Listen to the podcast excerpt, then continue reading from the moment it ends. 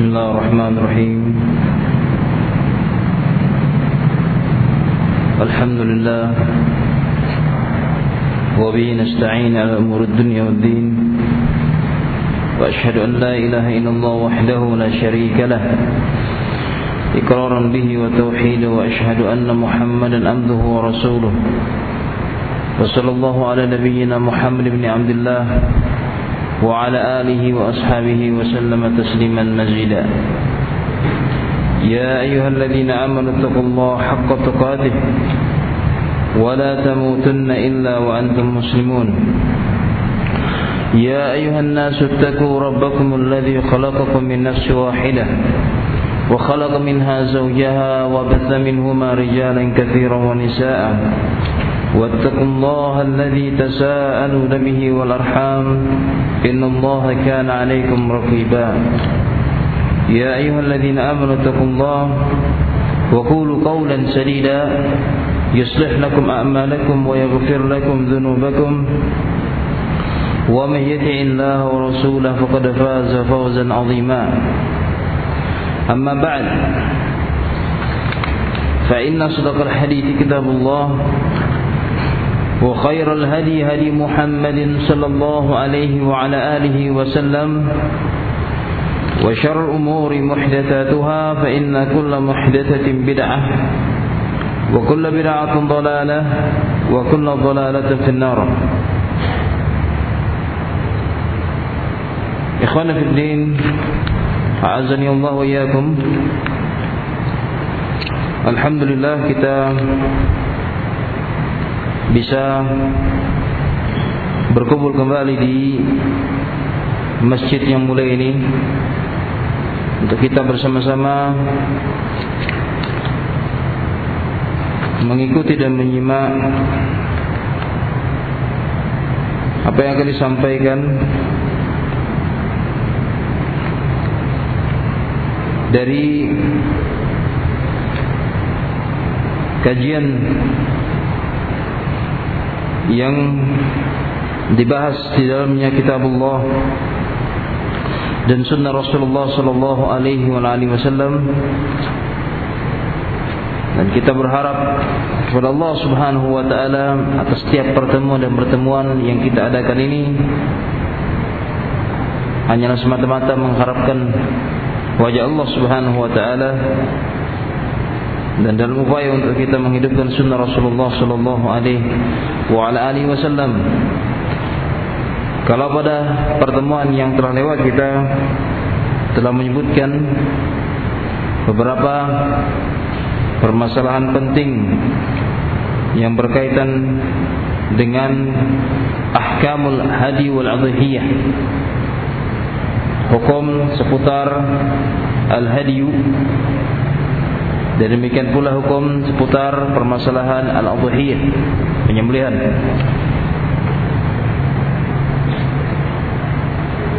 Apa yang dimaksud dengan al-hadi? Ada yang tahu?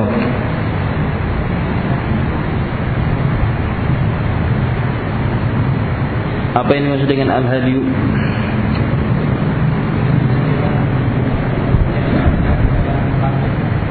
Al-Hadiyu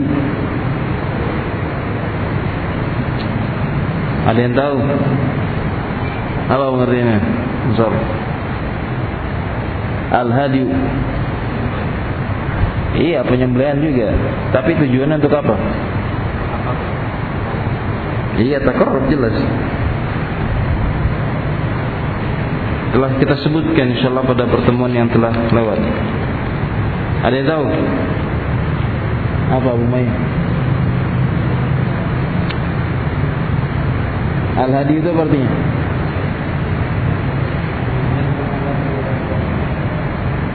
Hmm? Kenapa penyembelihan gimana?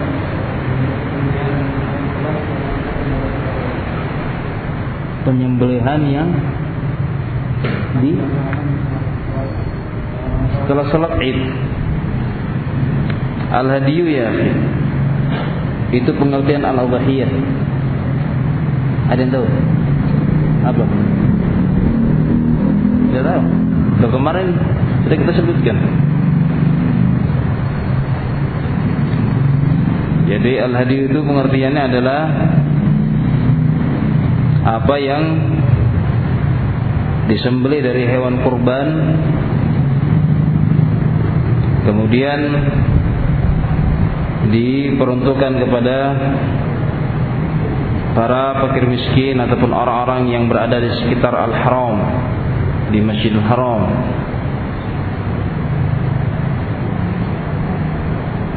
Itu namanya Al-Hadiyu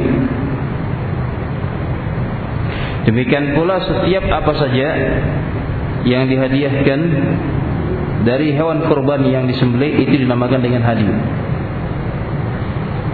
Saun kana wajiban atau tatawuan sama saja apakah dalam jenis penyembelihan yang wajib ataupun yang tatawwu.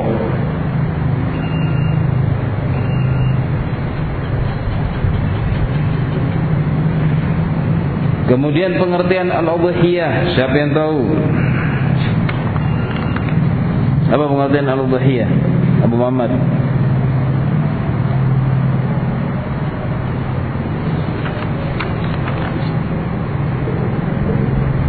Ini kita meroja sebentar biar kembali hangat ingatannya. Apa pengertian al-udhiyah? Enggak ngerti?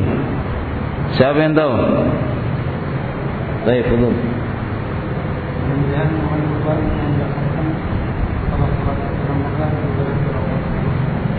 Nah, jadi pelaksanaannya setelah salat Idul Adha dalam rangka untuk mendekatkan diri kepada Allah Subhanahu wa taala.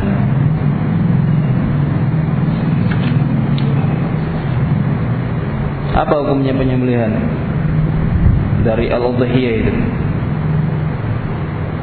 Apa hukumnya al-udhiyah? Ada yang tahu? Ahmad Bedawi.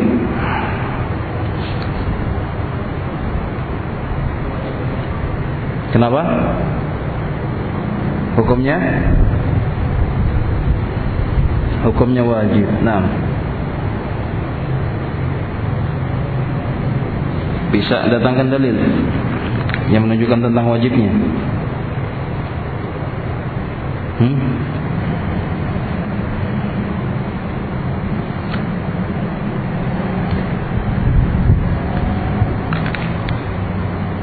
Kata dalilnya.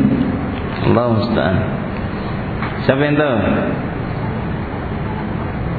Fasalli li rabbika wanhar. Itu dari ayat Al-Qur'an. Dari hadis Nabi. Ada yang hafal? Apa kata Rasulullah? Man kana dha si'atin falyudhi. Wa man lam yudhi fala yaqrabanna musallana kata Rasulullah sallallahu alaihi wasallam barang siapa yang dia memiliki kelapangan rezeki maka hendaklah dia menyembelih. Dan barang siapa yang dia tidak menyembelih maka janganlah mendekati musalla kami kata Rasulullah sallallahu alaihi wasallam. Maka dari beberapa nas yang telah kita sebutkan tadi dari ayat demikian pula dari hadis menunjukkan bahwasanya melakukan al-udhiyah penyembelihan pada saat Idul Adha itu hukumnya wajib dengan syarat man kana dasi'ah bagi siapa saja yang memiliki kelapangan rezeki. Memiliki keluasan harta. Maka hendaklah dia tunaikan karena wajibnya hukum melakukan penyembelihan pada hari raya Idul Adha. Dan ini bukan dilakukan sekali seumur hidup sebagaimana pelaksanaan haji ke Baitullahil Haram Adapun pelaksanaan haji ke Baitullahil Haram hukumnya apa? Wajib sekali seumur hidup. Adapun bila mana dia ingin melaksanakan setiap tahunnya itu adalah hukumnya sunnah. Tetapi penyembelihan bagi siapa saja yang memiliki kemampuan dari sisi harta maka wajib baginya untuk menunaikannya. Walaupun terjadi khilaf dalam masalah ini ada di antara para ulama yang menyebutkan tentang hukum sunnah muakkadah tentang hukum sunnah muakkadah jadi bukan hanya sekedar sunnah tetapi muakkadah ditekankan. Sebagian ulama berpendapat dengan pendapat ini Dalilnya adalah karena perbuatan ini adalah merupakan sunnah dari para rasul. Dan demikian pula Rasulullah Sallallahu Alaihi Wasallam menetap di negeri Madinah selama 10 tahun beliau melakukan penyembelihan. Maka dengan dalil ini sebagian ulama menetapkan bahwa sunnah muakkadah, sunnah yang ditekankan untuk seorang melakukan penyembelihan.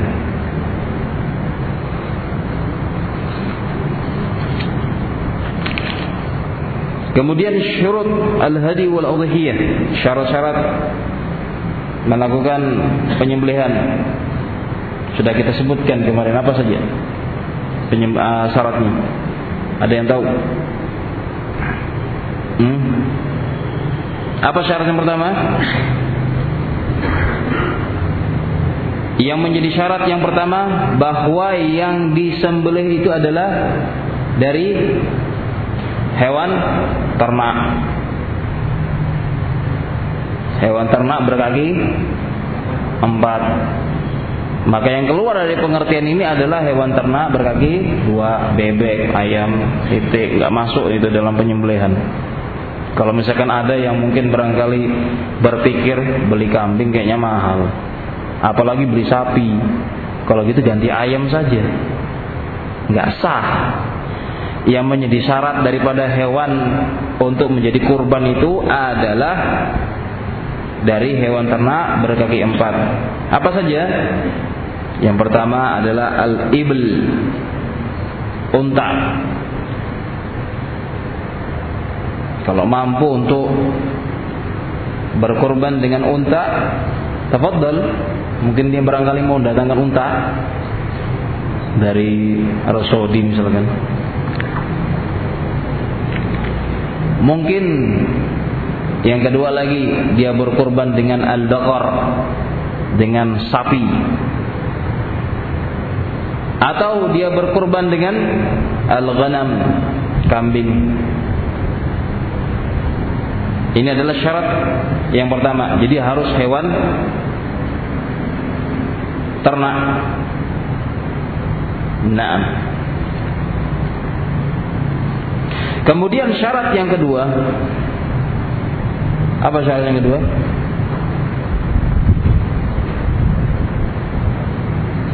Syarat yang kedua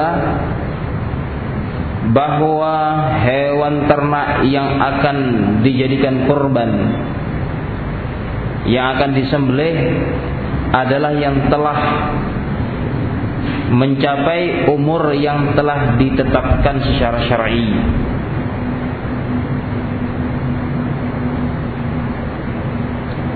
Maka dari sini ikhwan berapa ketetapan umur yang ditetapkan di dalam syariat bagi unta agar dia bisa menjadi kurban ataupun disembelih.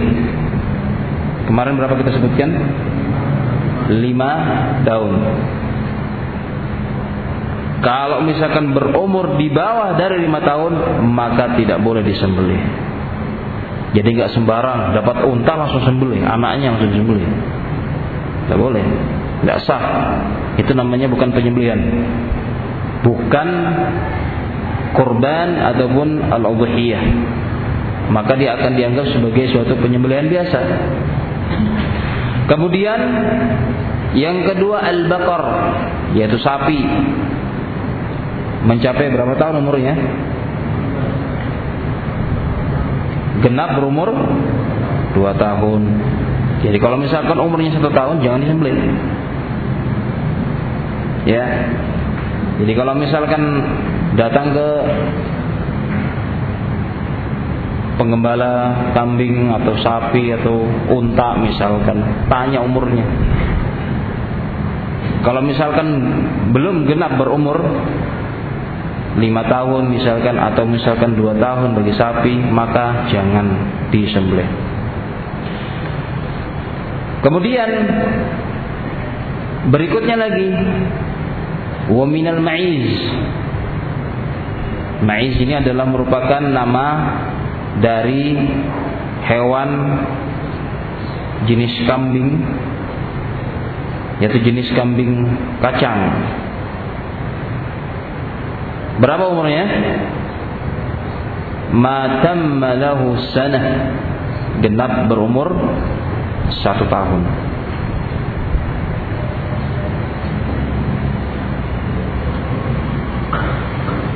Kemudian juga ada di sana dinamakan dengan adzan jenis domba. Berapa umurnya? Genap berumur 6 bulan. 6 bulan berarti setengah tahun. Ini yang diberikan rukhsah. Artinya kalau misalkan tidak mendapatkan sama sekali yang bisa disembelih, mungkin dapat yang umur-umur setengah tahun. Ya. Jauh lebih muda umurnya. Ini adalah syarat yang kedua. Kemudian syarat yang ketiga apa yang disebutkan dari syarat yang ketiga? Kalau yang pertama tadi yang hendak disembelih itu adalah dari jenis kategori hewan ternak. Kemudian yang kedua telah mencapai umurnya yang ditetapkan secara syar'i dan yang ketiga apa? Nggak tahu syaratnya. Yang ketiga, apa syarat yang ketiga? Hah? Tidak cacat atau tidak terdapat aib pada hewan ternak tersebut. Naam. Ya. Dan ini disebutkan di dalam sebuah sabda Rasulullah sallallahu alaihi wasallam kata Rasulullah sallallahu alaihi wasallam dari hadis Al-Barra bin Azib. Dan hadis ini sahih diriwayatkan oleh Imam An-Nasa'i dan yang lainnya kata Rasulullah SAW arbaun la tajuzu fil adahi bahwa di sana ada empat yang tidak boleh untuk disembelih maksudnya empat apa ini empat jenis cacat ataupun aib yang ada pada hewan ternak tersebut yang tidak diperbolehkan untuk dijadikan hewan kurban. Yang pertama itu adalah al-aura al-bayyinu auruha. Cacat yang pertama adalah buta sebelah matanya. Kalau misalkan buta sebelah matanya sudah, apalagi jelas butanya, maka tidak bisa dijadikan hewan kurban untuk disembelih kalau buta sebelah matanya sudah tidak boleh, apalagi kalau misalkan dua-duanya buta. Nggak bisa lihat berarti ya, jalannya nggak karu-karuan. Kalau misalkan masih buta sebelah matanya masih bisa berjalan, masih bisa melihat ya. Ini sama sekali tidak melihat. Maka tidak diperbolehkan untuk disembelih. Kemudian yang kedua al-maridatul bayyinu maraduha jenis hewan ternak yang dia cacat karena sakit dan jelas sakitnya. Sakit. Mungkin dia terserang penyakit yang menular dari penyakit hewan misalkan sehingga lumpuh ataupun masuk dalam kategori dia telah ditetapkan ataupun diputuskan oleh dokter hewan bahwa dia adalah hewan ternak yang sakit. Maka dia tidak bisa dijadikan hewan kurban ataupun untuk disembelih. Kemudian yang ketiga kata Rasulullah SAW di antara empat aib ataupun cacat dari hewan ternak yang tidak diperbolehkan untuk dijadikan hewan kurban ataupun disembelih adalah al-arja al-bayyinu dhal'uha. Yaitu hewan ternaknya pincang. Dan nampak sekali jelas sekali kepincangan yang dengan kepincangannya tersebut dia tidak mampu untuk dia berdiri dan berjalan sendiri kecuali dengan bantuan maka ini yang termasuk di dalam kategori hewan ternak yang cacat dan tidak diperbolehkan untuk dijadikan sebagai hewan sembelihan. Kemudian yang terakhir adalah al-ajaba allati la. Itu hewan ternak yang lemah dan tidak memiliki sumsum ataupun tidak memiliki sumsum yang banyak. Memiliki kelemahan dan memiliki ketidakberdayaan. Sehingga dengan alasan-alasan seperti ini menjadi suatu faktor yang sangat kuat di mana hewan ternak tersebut tidak bisa dijadikan hewan kurban ataupun disembelih. Ini empat aib ataupun empat cacat yang menjadikan penghalang bagi hewan ternak itu untuk disembelih. Maka bila mana kita mendapatkan adanya hewan ternak, apakah unta, ataukah sapi, ataukah kambing yang hendak disembelih, kemudian didapatkan adanya salah satu dari empat cacat ini, bukan harus terkumpul empat-empatnya, salah satu saja dari empat cacat ini, maka dikategorikan dia adalah hewan yang tidak layak ataupun tidak bisa disembelih ataupun dijadikan hewan kurban. Nah.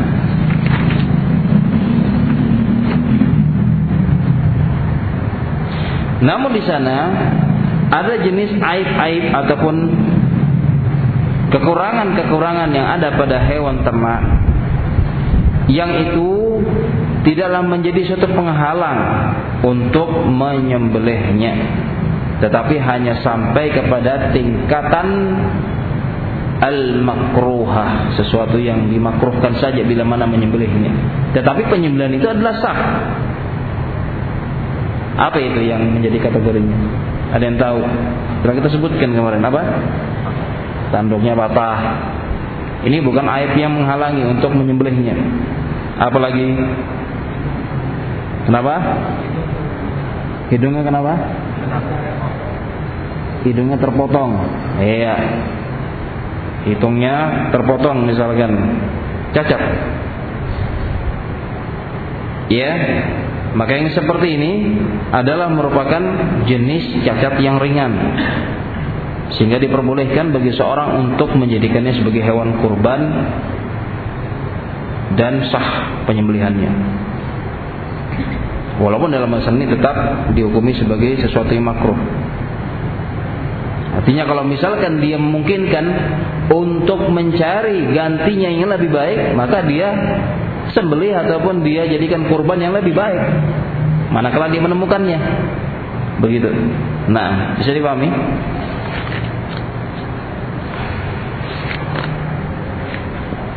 Kemudian Masuk pula di dalam pembahasan seputar al-udhiyah di sini adalah apa yang disebutkan di dalam nas-nas yang sharihah, nas-nas yang sahih tentang bilangan ataupun adat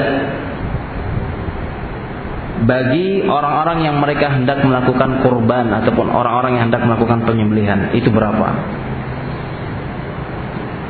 Dijelaskan oleh Syekh Muhammad bin Salih Al-Utsaimin rahimahullah taala تجزئ الإبل والبقر كل واحدة منها عن سبع شياء أي يجوز أن يشترك سبعة أشخاص في بعير أو بقرة ويذبح عن الهدي أو الأضحية. لحديث جابر رضي الله عنه قال نحرنا في الحديبية البدنة عن سبعة والبقرة عن سبعة.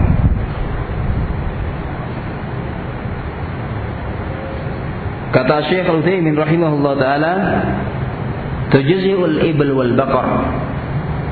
Kull wahidatin minha an sab'a an sab'i syayah. Bahwa diperbolehkan untuk unta dan sapi. Setiap salah satu dari keduanya diperbolehkan untuk manusia ataupun orang-orang berserikat menjadi tujuh orang di dalam melakukan penyembelihan. Sama saja apakah penyembelihan tersebut adalah merupakan jenis penyembelihan dalam rangka ada adalah al-hadiyu ataupun dalam rangka al-udhiyah. Sama saja. Ini berdasarkan hadis Jabir radhiyallahu anhu dia menyatakan kami melakukan an-nahr. Ya fil Hudaybiyah pada peristiwa al-Hudaybiyah al-badanah yaitu satu ekor unta an sab'atin dari tujuh orang wal baqara an sab'atin demikian pula sapi dari tujuh orang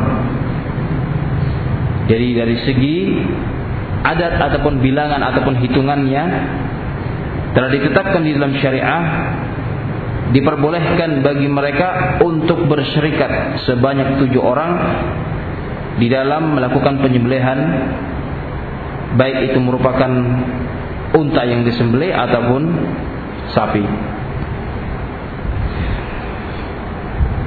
Wahadal hadis sahih dan hadis ini derajatnya adalah sahih sebagaimana yang diriwayatkan oleh Imam Tirmidzi, Abu Dawud, Ibnu Majah, Ahmad dari hadis Jabir radhiyallahu taala anhu dan hadis ini disahihkan oleh Syekh Al-Albani rahimahullah taala.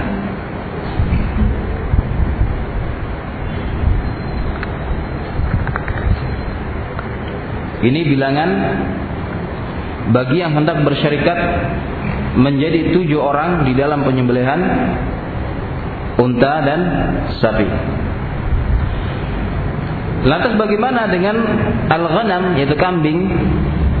Maka dikatakan oleh Syekh Muhammad bin Shalih Al berikutnya, asyatu awal anazatu tujzihu an wahid. Bahwa kambing dari jenis asyad dan demikian pula al-anazah itu diperbolehkan hanya dari satu orang saja. Tidak boleh bersyarikat lebih dari satu orang untuk satu kambing. Tidak diperbolehkan untuk bersyarikat lebih dari satu orang untuk satu kambing. Syaratnya satu orang satu kambing.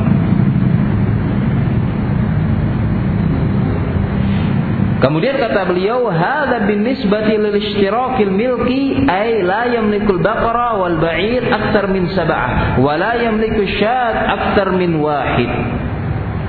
Maka kata beliau, ini apabila disandarkan kepada ishtirakil milki, maksudnya dari sisi persekutuan pemilikan. Persekutuan pemilikan dan beliau menyebutkan la yamlikul baqara wal ba'ir aktar min sab'ah. Tidak boleh sapi ataupun ba'ir yakni unta dimiliki lebih dari tujuh orang. Hitungannya tidak boleh lebih dari tujuh orang. Jadi yang dibatasi itu hanya tujuh orang saja. Wala yamliku syad aktar min wahid dan tidak boleh dimiliki sa, uh, apa? asyad yakni kambing aktar min wahid lebih daripada satu orang. Lebih daripada satu orang. Ini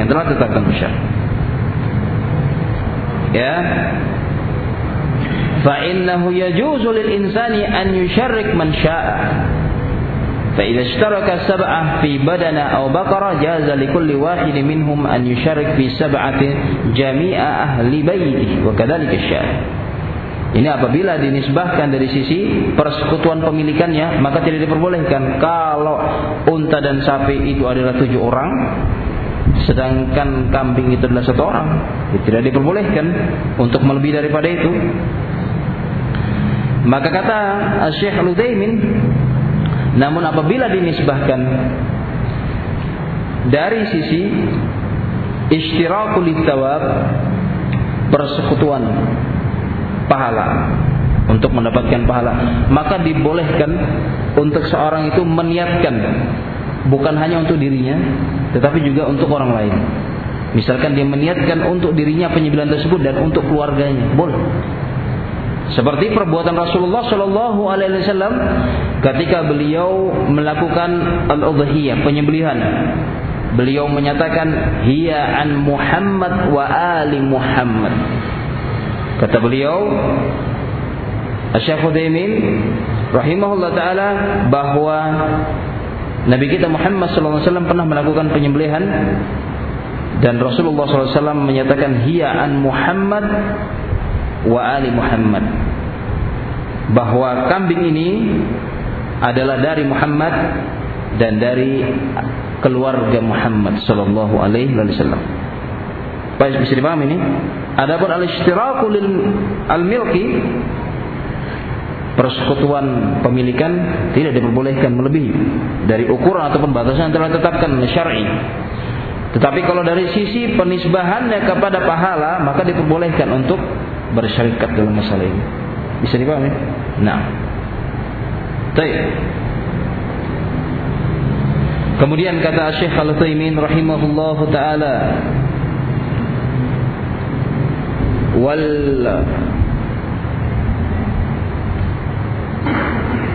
wal baqara wal badana la yashtariku fiha akthar min sab'ah dan sapi serta unta tidak diperbolehkan untuk bersyirikat padanya lebih dari tujuh orang.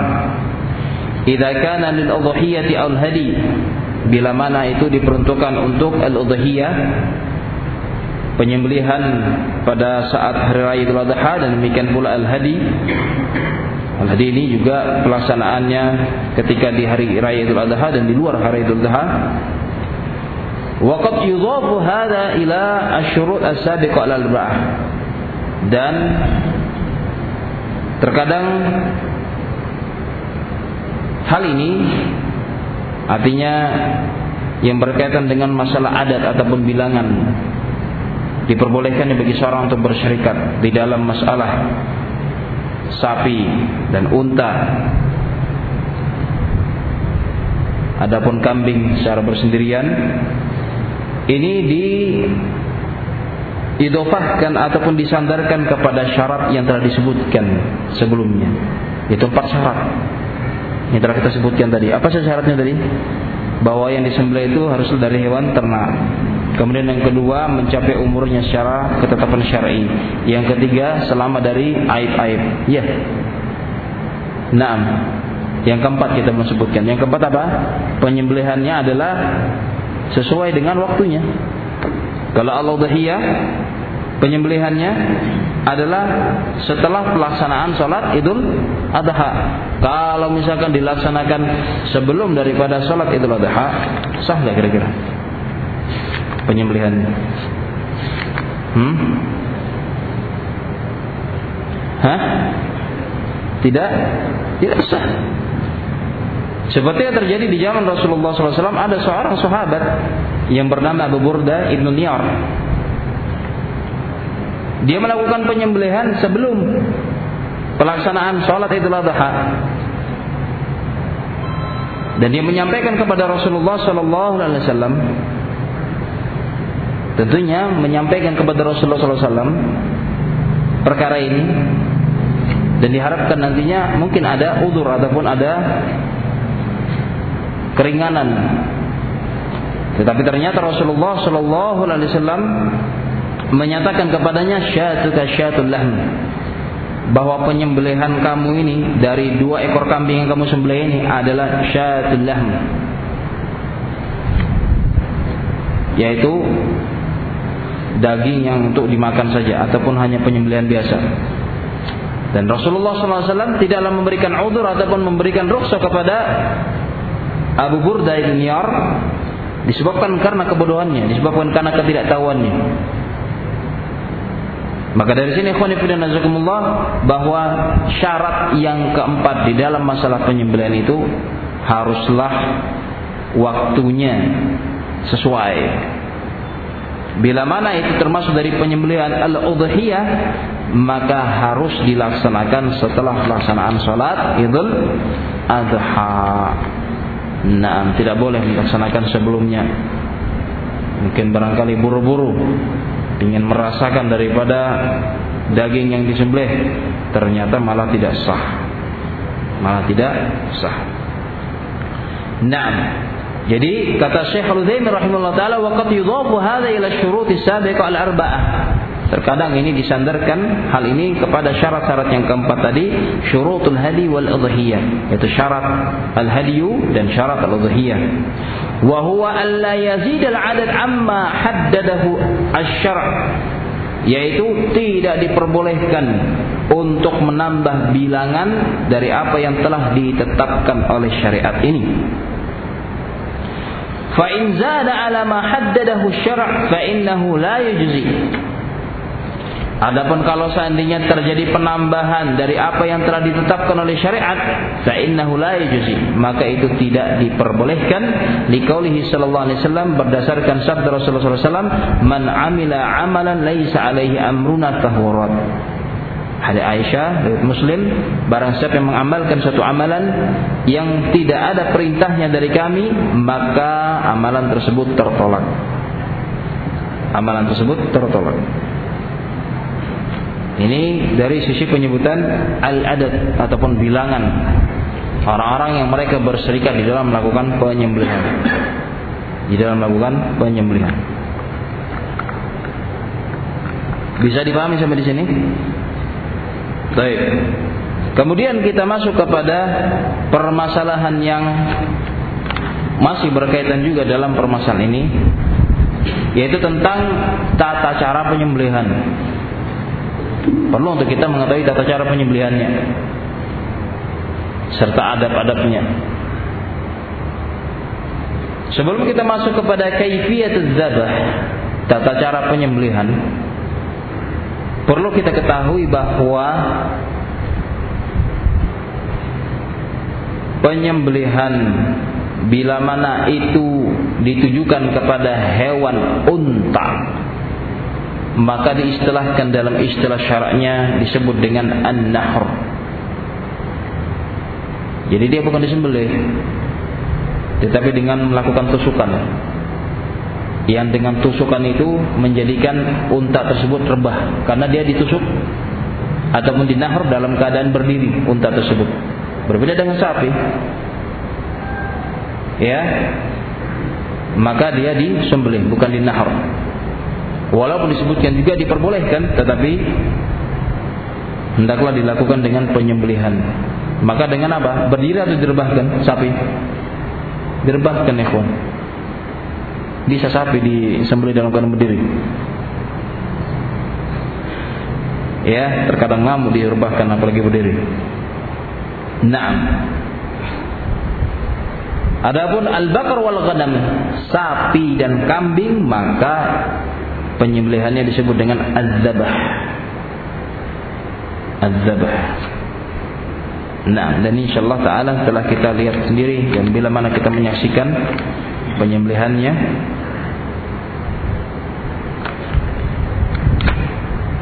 Kemudian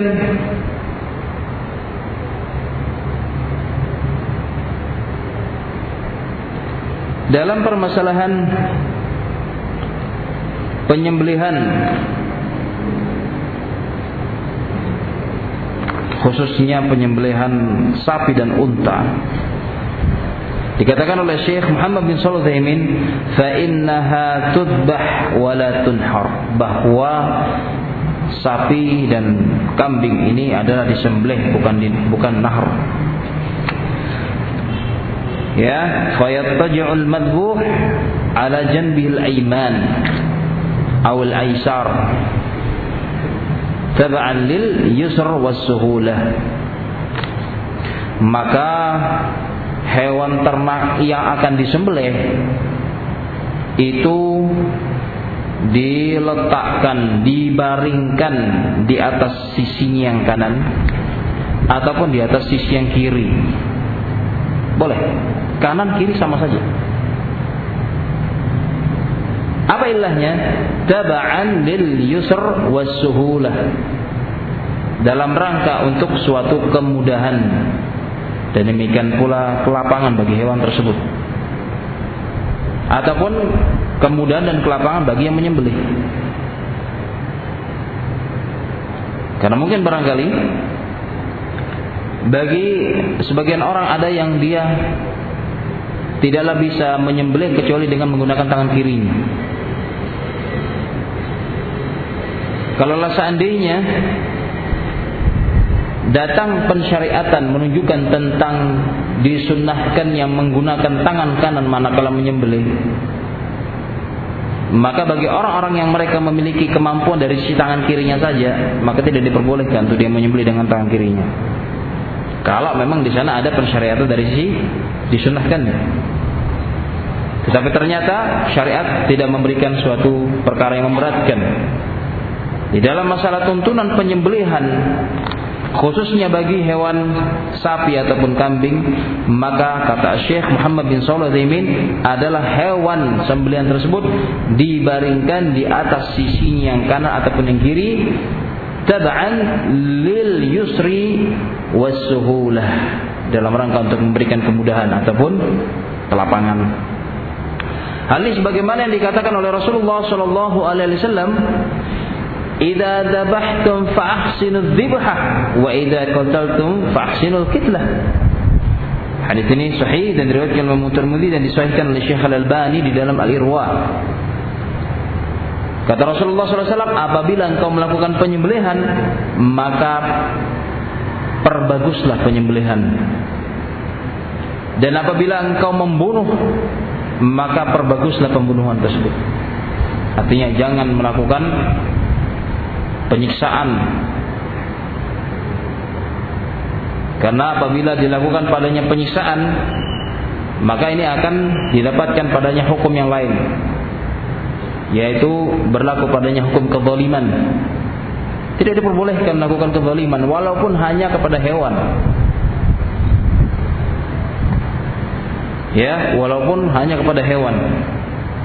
Maka harus berlaku lemah lembut kepada mereka Jangan menampakkan kezaliman kepada mereka karena sungguhnya mereka adalah ciptaan Allah dan kelak pada hari kiamat akan dikisos, dilakukan tuntutan terhadap apa yang dilakukan dari kezaliman. Nah, nah dari sabda Rasulullah SAW di sini menunjukkan adanya keterangan yang am, keterangan yang umum yang menunjukkan bahwasanya di dalam masalah memperbagus penyembelihan ini tidak Disebutkan di sana ada satu dalil tentang disunahkannya untuk menggunakan yang kanan. Atau harus dibaringkan dari sisi yang kanannya saja.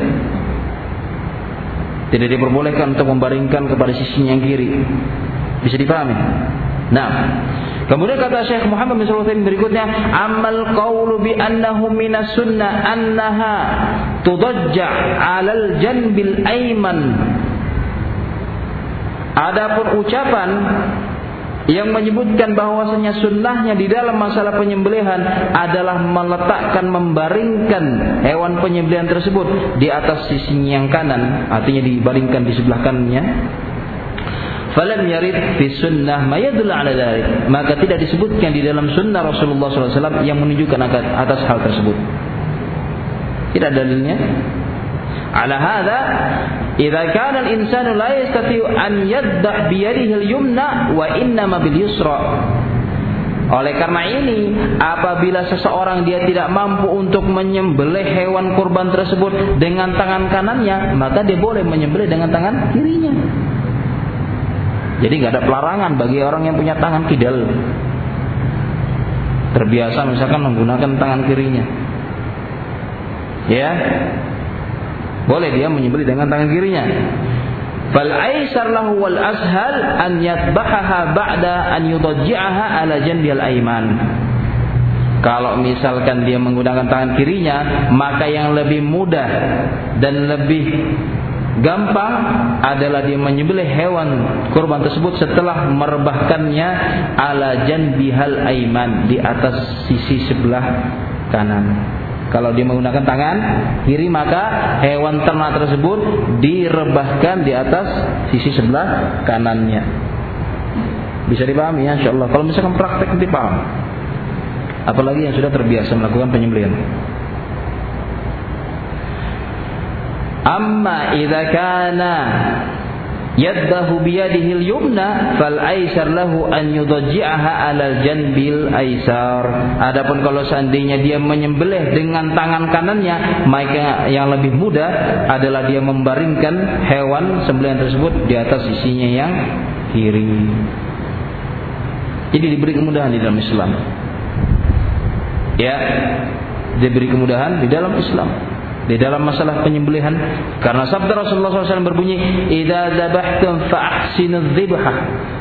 Apabila engkau melakukan penyembelihan maka perbaguslah penyembelihan tersebut. Jadi tidak permasalahan apakah dari sisinya yang kanan ataupun yang kiri diperbolehkan kedua-duanya dalam rangka untuk memberikan kemudahan. Ini adab ataupun tuntunan yang bisa disebutkan Kemudian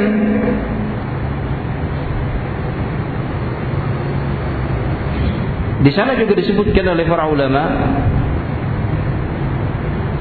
bahwa di dalam perkara yang termasuk dari jenis memperbagus penyembelihan adalah tidak menyusahkan hewan yang akan disembelih tersebut.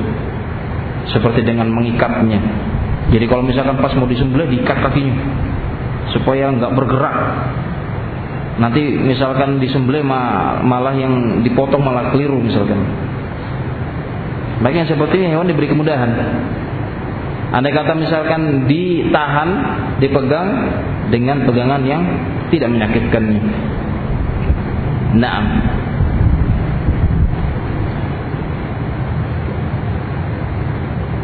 Tapi kalau sapi bisa dipegang. Sekarang saya tanya, sapi bisa dipegangi kira-kira? Itu berarti perlu orang yang gede-gede. Andai kata diikat juga, jangan sampai memberatkan ataupun menyakitkan hewan tersebut. Dan disebutkan oleh Syekh Muhammad bin Taimin, amma masku qadaimai az-zabihah hina dzabah fahadha la yusannu wa. Ini fatwa beliau bahwa mengikat ataupun menahan kedua kaki ataupun kaki-kaki daripada sembelihan. Tatkala dilakukan penyembelihan padanya maka ini tidak ada tuntunan sunnahnya dari Rasulullah SAW wa tarkuha afdal maka meninggalkannya adalah lebih utama Lianna fihi faidatain. Karena dalam masalah ini ada dua faedah yang bisa didapatkan. Al-ula yang pertama faedahnya adalah i'ta'ul hurriyati memberikan kebebasan kepada hewan tersebut. Bayangkan ini mau disembelih, mau mati. Jangan lagi diberikan penyiksaan padanya. Diberikan kemudahan. Nah, Kemudian faedah yang kedua asalnya tahrikud dam hatta yakhruj. Ketika hewan tersebut diberikan kelapangan, kemudahan dan tidak dilakukan padanya sesuatu yang menyulitkannya seperti penyiksaan dan yang lainnya, maka dengan sendirinya akan tahrikud dam hatta yakhruj. Akan mengalir darah itu dengan lancarnya dan tidak tertahan di dalam tubuh hewan tersebut. Tetapi anehnya sebagian dari orang yang senang ketika mengkonsumsi makanan seperti penyembelihan ayam bukan disembelih seperti layaknya orang menyembelih. Tetapi hanya ditusuk saja kemudian darah tersebut tidak dialirkan tapi justru malah diikat lehernya. Agar darah tidak mengalir katanya lebih terasa nikmat katanya. Naudzubillah min dzalik Sistem penyembelihan seperti ini tidak boleh di dalam Islam. Ya, apalagi darah tersebut dalam keadaan tidak dialirkan. Maka darah itu hukumnya apa? Dimakan? Haram. Apalagi membeku di dalam tubuh hewan tersebut. Maka ini tidak kan. Naam. Kemudian kata Syekh anna khurujad dam minal bahima amrun maksud. Karena sesungguhnya keluarnya darah dari hewan yang disembelih tersebut amrun maksud. Inilah perkara yang dimaksud, yang diinginkan. Wa sababu tahrimil maitah li anna dam ihtaqan fiha. Dan sebab diharamkannya bangkai itu karena apa? Darah tersebut tetap berada di dalam bangkai tersebut. Ya, seperti hewan-hewan yang ditemukan misalkan mati di hutan. Walaupun misalkan itu dari jenis hewan yang mungkin halal untuk dimakan, tetapi apa? Menjadi bangkai karena apa? Darahnya. Ya. Nah. Maka ini di antara adab. Dan masih ada lagi adab-adab yang insya Allah kita akan sebutkan yang masuk di dalam syurutuz zakat syarat-syarat penyembelihan. Kalau tadi kita sebutkan tentang kaifiyah adzabah yaitu tata cara penyembelihan, kita akan sebutkan lagi tentang syarat-syarat penyembelihan. Ini harus diketahui.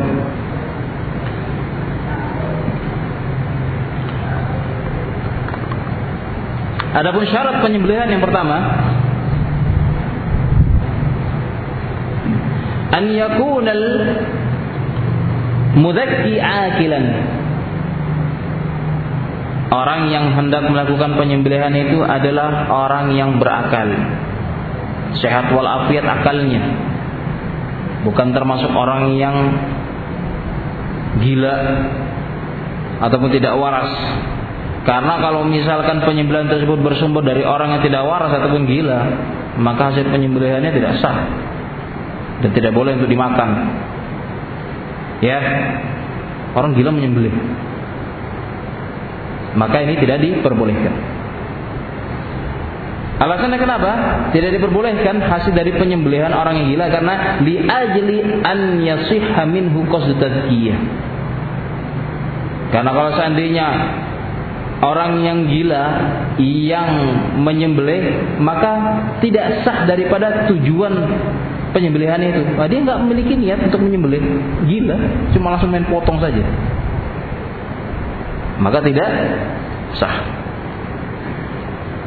Kemudian syarat yang kedua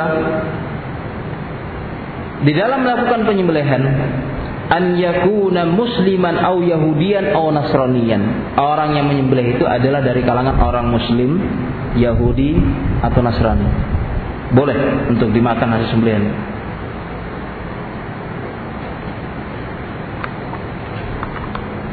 Jadi bukan muslim saja. Jadi kalau misalkan ada orang-orang Nasrani ataupun orang Yahudi mereka melakukan penyembelihan, maka diperbolehkan untuk memakan daging hewan sembelihan tersebut.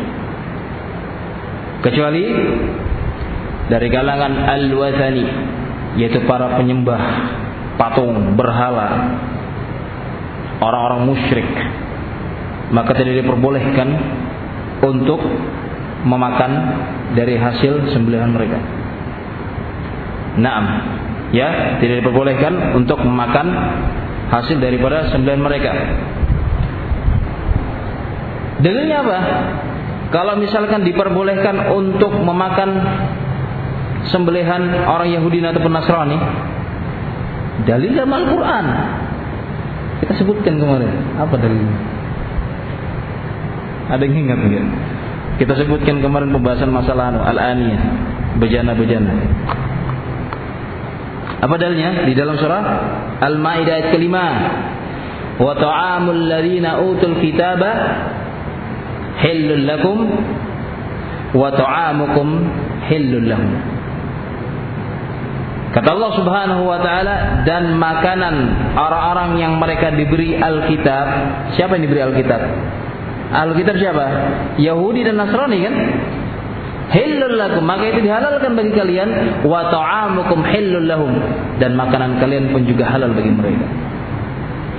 Jadi halal makanan orang-orang Yahudi dan Nasrani sebelum mereka halal. Berdasarkan ayat ini.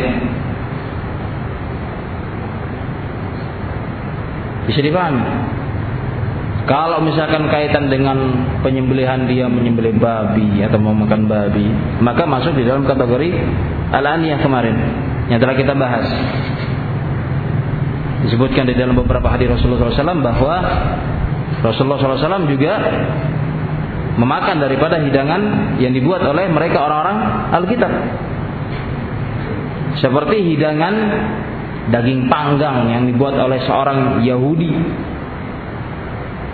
seorang wanita Yahudi yang ternyata di dalam daging panggang tersebut terdapat racun.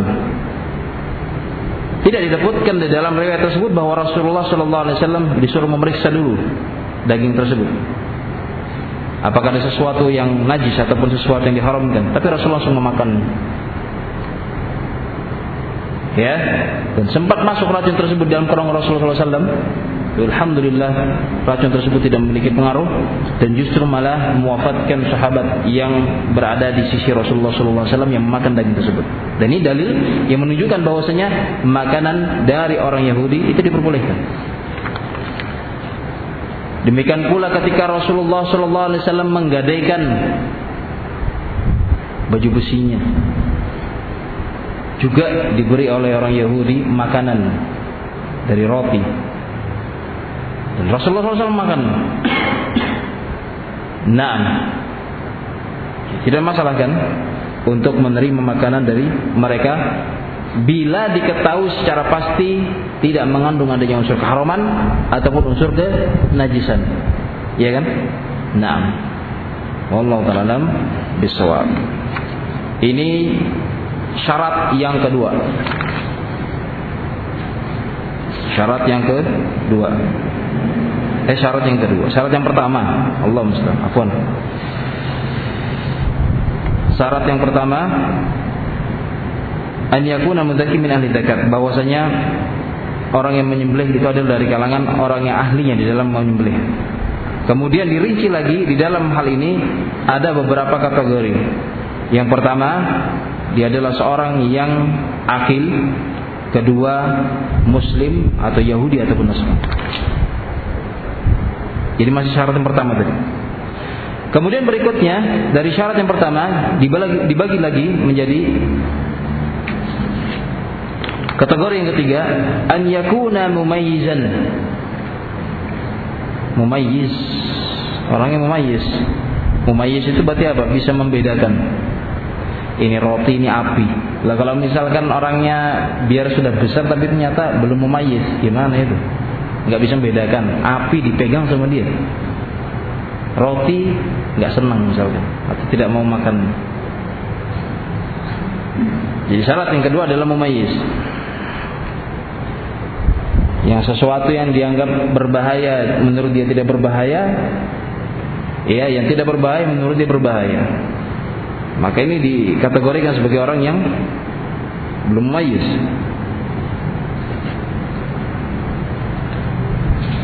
Ini masuk masih dalam kategori syarat penyembelihan yang pertama. Kemudian syarat penyembelihan yang kedua yaitu qasdu tazkiyah. Orang yang menyembelih itu harus dia memiliki kos tujuan di dalam penyembelihannya. Tahu dia, ini penyembelihannya untuk apa? Apakah untuk al-hadiyu ataukah untuk az-zabihah al-udhiyah ataukah untuk selain itu? Nah, Ataupun misalkan dia menyembelih hewan ataupun dalam keadaan hewan tersebut terbunuhnya tanpa adanya suatu kesengajaan dari ini. Misalkan dia main-main terhadap hewan ternak, dia lempar pisau misalkan. Kena lehernya misalkan, mati. Halal nggak dimakan? Nggak halal dimakan. Dia nggak ada niat untuk menyembelih kok tiba-tiba hewan itu mati. Iya, nggak boleh. Jadi yang kedua syaratnya adalah qasd adanya tujuan di dalam menyembelih hewan tersebut. Nah, dan ini yang dipilih oleh Syekhul Islam Taimiyah karena sungguhnya orang tersebut dia tidak memiliki al-qasd tujuan di dalam melakukan penyembelihan tersebut. Nah. Kemudian syarat yang ketiga Syarat yang ketiga dan ini juga termasuk daripada adab dan tuntunan di dalam menyembelih an yakuna dabah bi muhaddad yanhirud dam. Hendaklah yang menjadi alat di dalam melakukan penyembelihan adalah dengan menggunakan pisau yang tajam yang dengan satu kali apa namanya goresan langsung mengalirkan darah jangan dengan menggunakan pisau yang tumpul kasihan kambingnya ataupun sapinya teriak-teriak dia sakitan karena pisau tersebut dalam keadaan tidak tajam dan menyakitkan. Jadi memang betul-betul harus diasah dengan tajam sekali. Dengan tajam sekali. Ya. Fa in kana bi ghairi muhaddad mithl asaf fa innaha la tahil. Kalau misalnya tidak tajam dan kedudukan pisau itu sama seperti kayak tongkat misalkan nggak tajam tumpul gitu, makanya tidak diperbolehkan untuk melakukan penyembelihan padanya. Ya, maka yang keluar dari jenis alat yang diperbolehkan dalam hal ini ada dua perkara yang diharamkan yaitu dengan menggunakan kuku. Dan yang kedua dengan menggunakan apa? tulang. Tidak diperbolehkan karena di sebagian negara disebutkan ada yang menggunakan daripada alat-alat seperti ini seperti di negeri Habasyah. Menggunakan al-zafar menggunakan kuku dari kuku ke hewan untuk melakukan penyembelihan. Ini tidak boleh ataupun menggunakan tulang. Tulang yang dihaluskan kemudian diasah sampai tajam. Jadi mirip seperti kayak pisau. Kemudian digunakan untuk melakukan penyembelihan. Ini juga tidak diperbolehkan. Padahal tulang itu adalah merupakan makanan daripada makanan jin. Digunakan untuk menyembelih. Ya, maka tidak diperbolehkan. Jadi diperbolehkan hanyalah menggunakan alat yang menjadi suatu adat kebiasaan dari kalangan manusia untuk menggunakannya, yaitu menggunakan pisau. Kemudian di antara daripada adat dan tuntunannya adalah dengan menggunakan pisau yang tajam. Menggunakan pisau yang tajam. Naam.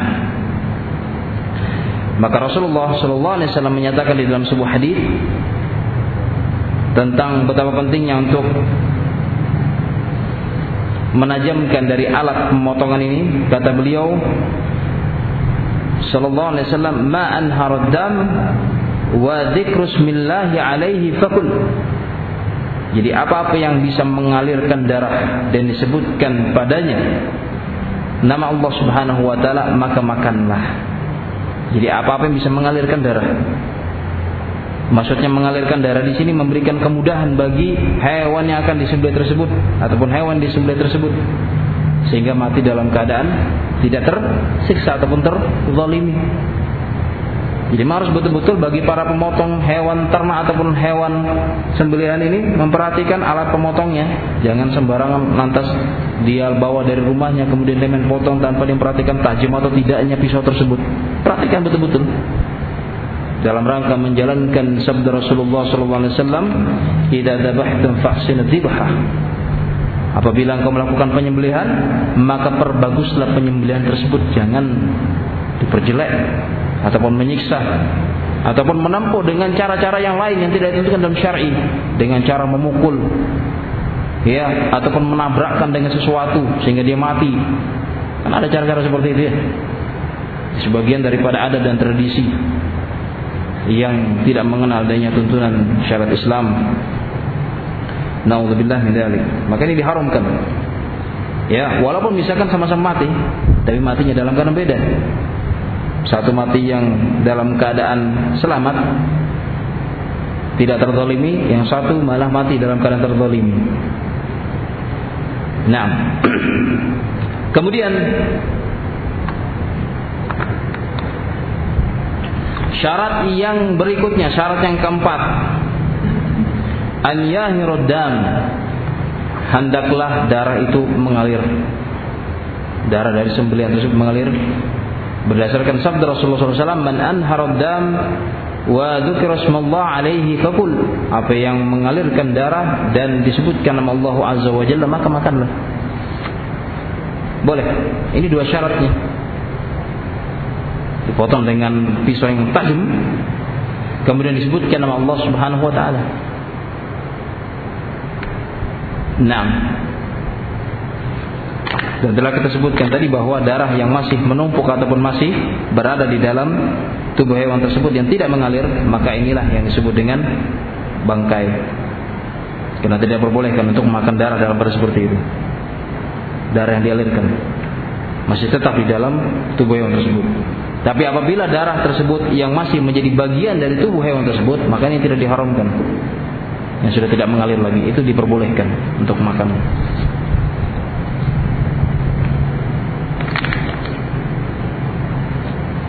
Nah.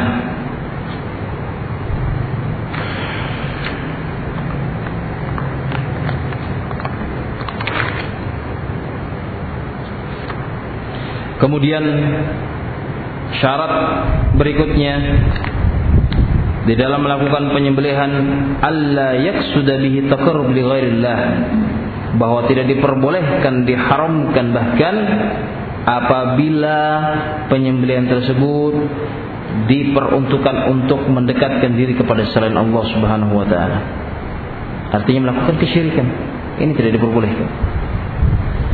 Hal ini sebagaimana yang dinyatakan oleh Allah Subhanahu wa taala dalam surat Al-Maidah ayat ketiga, "Hurrimat 'alaikumul maitatu wad-dam wal lahmu khinzir wa ma uhilla li bih." Diharamkan atas kalian al-maitah bangkai Demikian pula darah, demikian pula daging babi dan apa-apa yang dipersembahkan disembelih untuk selain Allah, untuk selain Allah Subhanahu wa taala. Ini haram hukumnya. Dan kita telah mengetahui bersama tentang ini adalah merupakan masuk dalam kategori kesyirikan. Nah, kenapa alasannya tidak diperbolehkan untuk memakan daripada sudah tersebut? Karena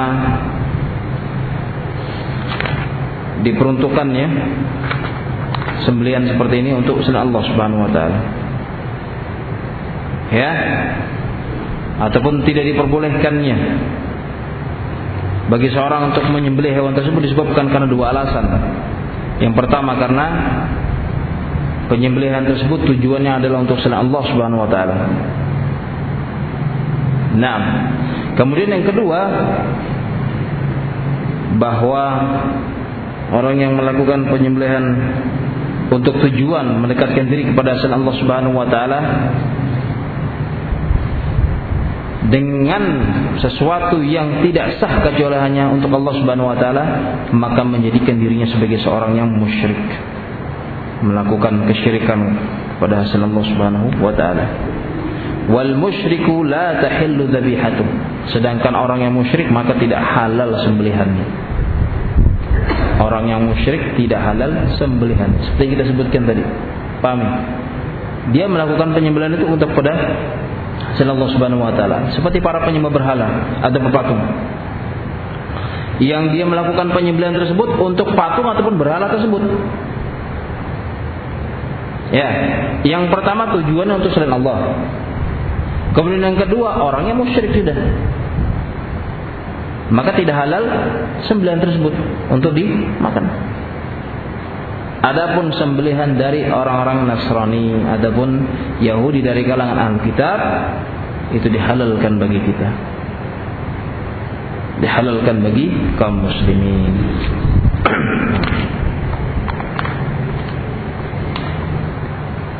Dan demikian pula di sana ada adab-adab yang masih tersisa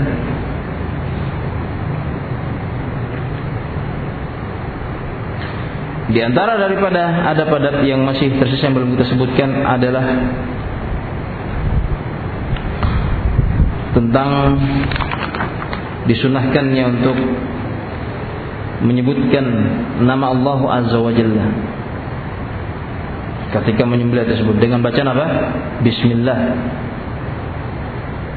Bukan dia menambah-nambahnya lagi sebelumnya Allahumma salli ala Muhammad wala ali Muhammad kama sallaita ala Ibrahim dia baca lagi salawat Ibrahimiyah dengan tambahan-tambahan bid'ah kemudian dia tambah lagi mungkin barangkali dengan surat Al-Fatihah Ini malah tambah tidak jadi sah ini penyembelihan.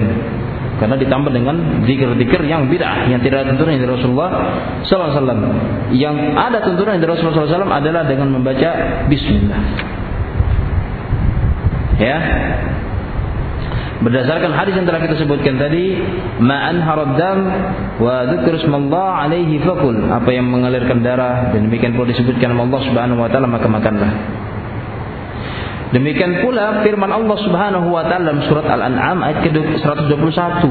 Kata Allah Subhanahu wa taala, "Wa ta'kulu mimma lam yadhkur ismallah alaihi wa innahu lafisqun." Dan janganlah kalian memakan terhadap apa-apa yang tidak disebutkan nama Allah Subhanahu wa taala. Wa innahu lafisqun. Ya? Rusak sudah. Disebabkan karena tidak disebutkan nama Allah Subhanahu wa taala maka tidak sah penyembelihan tersebut. Tidak sah penyembelihan tersebut. Dalam keadaan telah diketahui secara pasti dan demikian pula kebanyakan dari pendapat para ulama mereka menyatakan bahwa apabila penyembelihan tersebut tidak disebutkan nama Allah Subhanahu wa taala itu tidak sah. Walaupun misalkan dalam keadaan dia lupa. Dia lupa baca basmalah. Tidak sah itu penyembelihannya. Maka dia berubah menjadi apa? Bangkai. Nah kalau misalkan seperti ini keadaannya kemudian datang lagi di sana adanya pendapat ia menyatakan kalaulah seandainya tanpa basmalah itu juga tidak apa-apa. Karena itu adalah merupakan perkara yang sunnah saja kata sebagian ulama ini. Ada yang seperti ini. At-tasmiyah sunnah saja. Membaca nama Allah Subhanahu wa taala itu adalah sunnah. Dan ini adalah merupakan pendapat yang dipegangi oleh pengikut madhab asy-syafi'iyah. Pengikutnya yang menisbahkan dirinya kepada pengikut al-Imam Syafi'i. Dan mereka menyandarkan pendapat mereka berdasarkan dalil juga. Seperti yang disebutkan di dalam hadis yang diriwayatkan oleh Imam Al-Baihaqi. Namun nama disayangkan hadis ini ternyata mursal dhaif hadis lemah. Tapi jadikan pegangan. Kalau misalkan di sebagian mereka menyatakan hadis ini sahih dan bunyi hadis ini adalah zabihatul muslim halalun wa illam yadhkur ismallah 'alaiha. Jadi sembelihan seorang muslim itu halal walaupun tidak disebutkan nama Allah. Coba hadisnya seperti itu. Padahal hadisnya derajatnya mursal. Kalau dikatakan hadis mursal berarti terputus antara apa? Hah?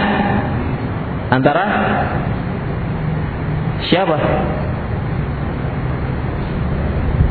Apa yang maksud dengan hadis mursal?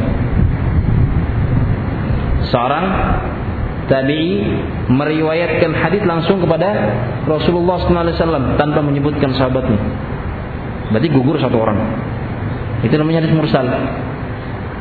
Ya. Dan hadis mursal adalah hadis yang dhaif. Ya, hadis yang lemah. Ini dijadikan pegangan. Padahal telah jelas nas di dalam Al-Quran di dalam surat Al-An'am ayat ke-21 wala ta'kulu mimman lam yadhkur ismallah alaihi wa innahu lafisqun tetapi ada juga yang membawakan ini ada sabda Nabi katanya Kalau Allah Subhanahu wa taala telah menyatakan jangan kalian memakan dari apa-apa yang tidak disebutkan Allah Subhanahu wa taala padanya. Berarti hukumnya apa? Haram untuk memakannya. Haram untuk memakannya dan ini yang menjadi pendapat dari kebanyakan para ulama. Dan walaupun di sana didapatkan adanya kekhilafan yang timbul dari diri seorang seperti lupa ataupun lalai maka yang seperti ini menjadikan sembelihan tersebut tidak sah. Walaupun dia lupa ada juga sebagian para ulama yang menyebutkan tetap sah kata mereka. Karena apa? Lupa. Bagaimana orang lupa kok masa nggak sah penyembelihannya? Ya. Dan dia membawakan dalil di dalam firman Allah Subhanahu wa taala, "Rabbana la tu'akhidna in nasina wa akhtana." Wahai Rabb kami, Jangan engkau menyiksa kami disebabkan karena kami lupa ataupun kami lalai.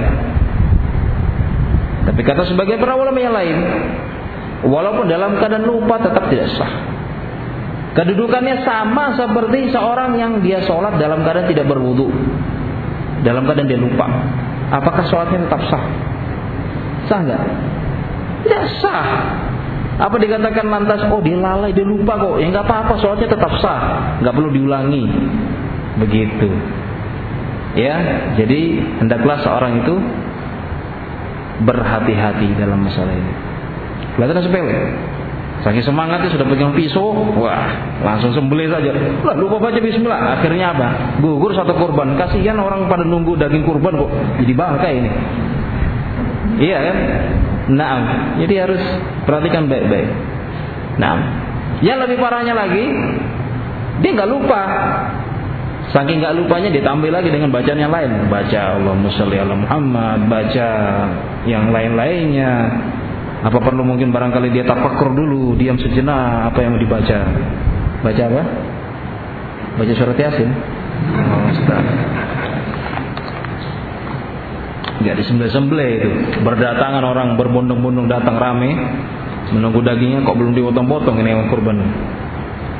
Nah, ya, jadi begitu. Jadi walaupun satu permasalahan yang disebutkan telah jelas nasnya secara sharih tetapi terjadi juga di sana adanya khilaf di kalangan para ulama. Tetapi di sini kita patokannya adalah memilih pendapat tersebut yang lebih mendekati kepada kebenaran. Naam, bukan kepada kebatilan. Naam.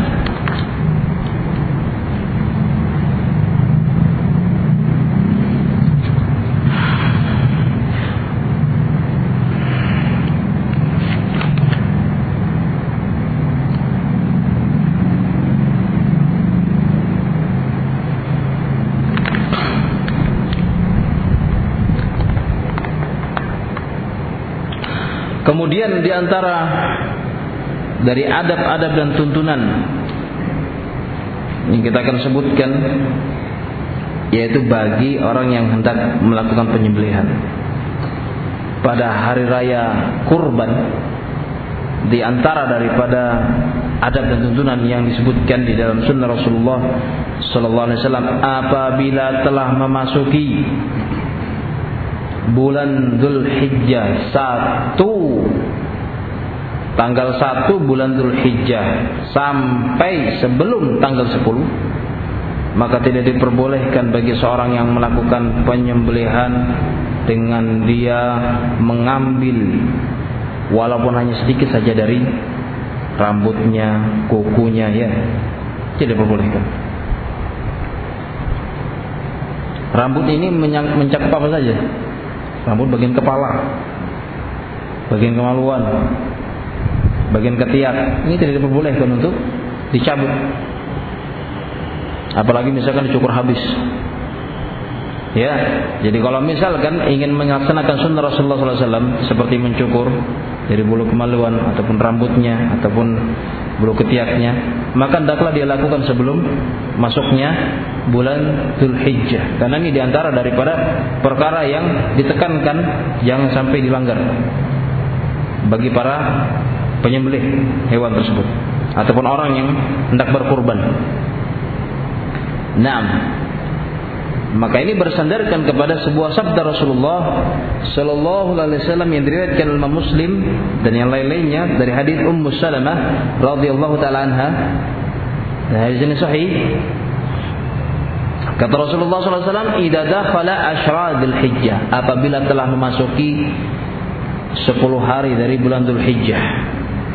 Atau idza ra'aitum hilal Dhul Hijjah ataupun tatkala engkau melihat hilal hilal bulan Dzulhijjah. Wa arada ahadukum an yudhi dan salah seorang di antara kalian berkehendak untuk dia menyembelih fala ya'khud min sya'rihi aw basharatihi aw adharihi syai'an hatta yudhi maka tidak diperbolehkan untuk dia mengambil sedikit pun dari rambutnya atau dari kulitnya atau dari kukunya sampai dia melakukan penyembelihan ataupun sampai dia berkorban. Naam. Ya. Maka larangan ini al-asl secara hukum asalnya adalah sesuatu yang diharamkan bukan sesuatu yang sifatnya karohah ataupun dimakruhkan saja selama tidak ada dalil yang memalingkannya kepada hukum al-karahah maka tetap dihukumi sebagai suatu perkara yang diharamkan karena nasnya adalah merupakan sifatnya umum ya. Kata Rasulullah SAW Idza dakhala asyra Dzulhijjah apabila telah masuk 10 Dzulhijjah ataupun engkau melihat bulan hilal pada bulan Dzulhijjah dan salah seorang di antara kalian hendak melakukan penyembelihan fala ya'khud kata Rasulullah maka janganlah dia. Kata-kata di sini janganlah dia menunjukkan apa? Pelarangan. Ya nahi di sini sifatnya Bukan di sini lil karahiyah, hanya sifatnya dimakruhkan saja. Tetapi di sini hukumnya adalah diharamkan untuk seorang itu mencabut, mengerik daripada bulunya, kukunya, kulitnya sampai dia melakukan penyembelihan. Ini di antara adabnya. Nah, jadi jangan sampai seorang itu lupa dalam masalah ini. Ya, karena kalau misalkan seorang misalkan ya, dia punya kebiasaan rambutnya baik itu merupakan rambut kepala, kemaluan ataupun piaknya ataupun kukunya. Terkadang ada orang yang subur di dalam pertumbuhannya. Mungkin lima atau berapa hari itu sudah panjang sekali kukunya. Nah, kalau misalkan ketika dia hendak melakukan penyembelihan di awal masuknya sudah panjang kukunya misalkan dia biar kan selama sepekan ternyata lebih panjang lagi. Waduh. Mungkin kalau orang yang lihat oh mungkin barangkali ini orang mau menyembelih ini. Kukunya panjang sekali ini. Persiapan sudah mau menyembelih. Tidak sempat dia memotong kukunya mungkin begitu. Allah ya. Ini di antara daripada adat dan tuntunannya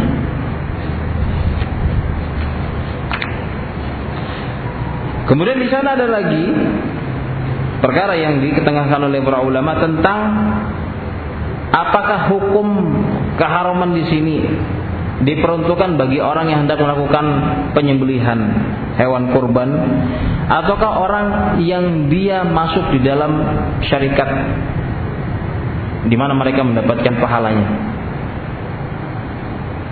misalkan dia meniatkan untuk dirinya dan keluarganya. Apakah keluarganya juga diwajibkan untuk dia menahan diri? Dari motong kuku, mencabuti rambut, buruk maluannya ataupun ketiaknya, apakah juga masuk dalam masalah ini? Maka yang raja dalam masalah ini tidak masuk dalam kategori ini. Ya kalau misalkan mewajibkan juga bagi orang yang lain, waduh, eh, misalkan tidak mau ikut-ikut terrepot nanti, dan tidak termasuk dalam kategori ini. Ini adalah merupakan suatu kemudahan, alhamdulillah. Walaupun di sana ada juga pendapat dari kalangan para ulama menyebutkan tetap wajib untuk mengikutinya. Karena pelarangan ini adalah sifatnya juga mencakup bagi orang-orang yang mereka diniatkan masuk di dalam gabungan untuk mereka mendapatkan pahala dengan melakukan penyembelihan tersebut. Nah, wallahu taala bisawab. Ini hukum ringkas yang bisa kita sebutkan walaupun belum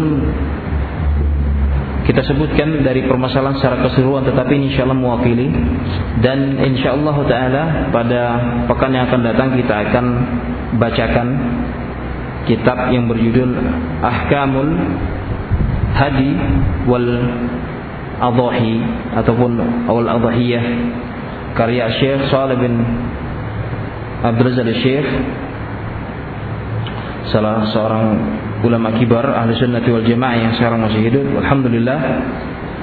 Dan insyaallah taala kita akan bacakan dan bisa kita dapatkan di sana keterangannya lebih lengkap. Ya ini sebagai pembuka saja sebagai pengantar untuk kita mengetahui lebih lanjut dan lebih mendalam tentang hukum penyembelihan ini Wallahu taala bisawab. Saya kira ini yang bisa kita sampaikan mudah-mudahan bermanfaat. Wa akhir da'wal alhamdulillahi rabbil alamin subhanaka wa bihamdika asyhadu an la ilaha illa anta astaghfiruka wa atubu ilaik. Assalamualaikum warahmatullahi wabarakatuh.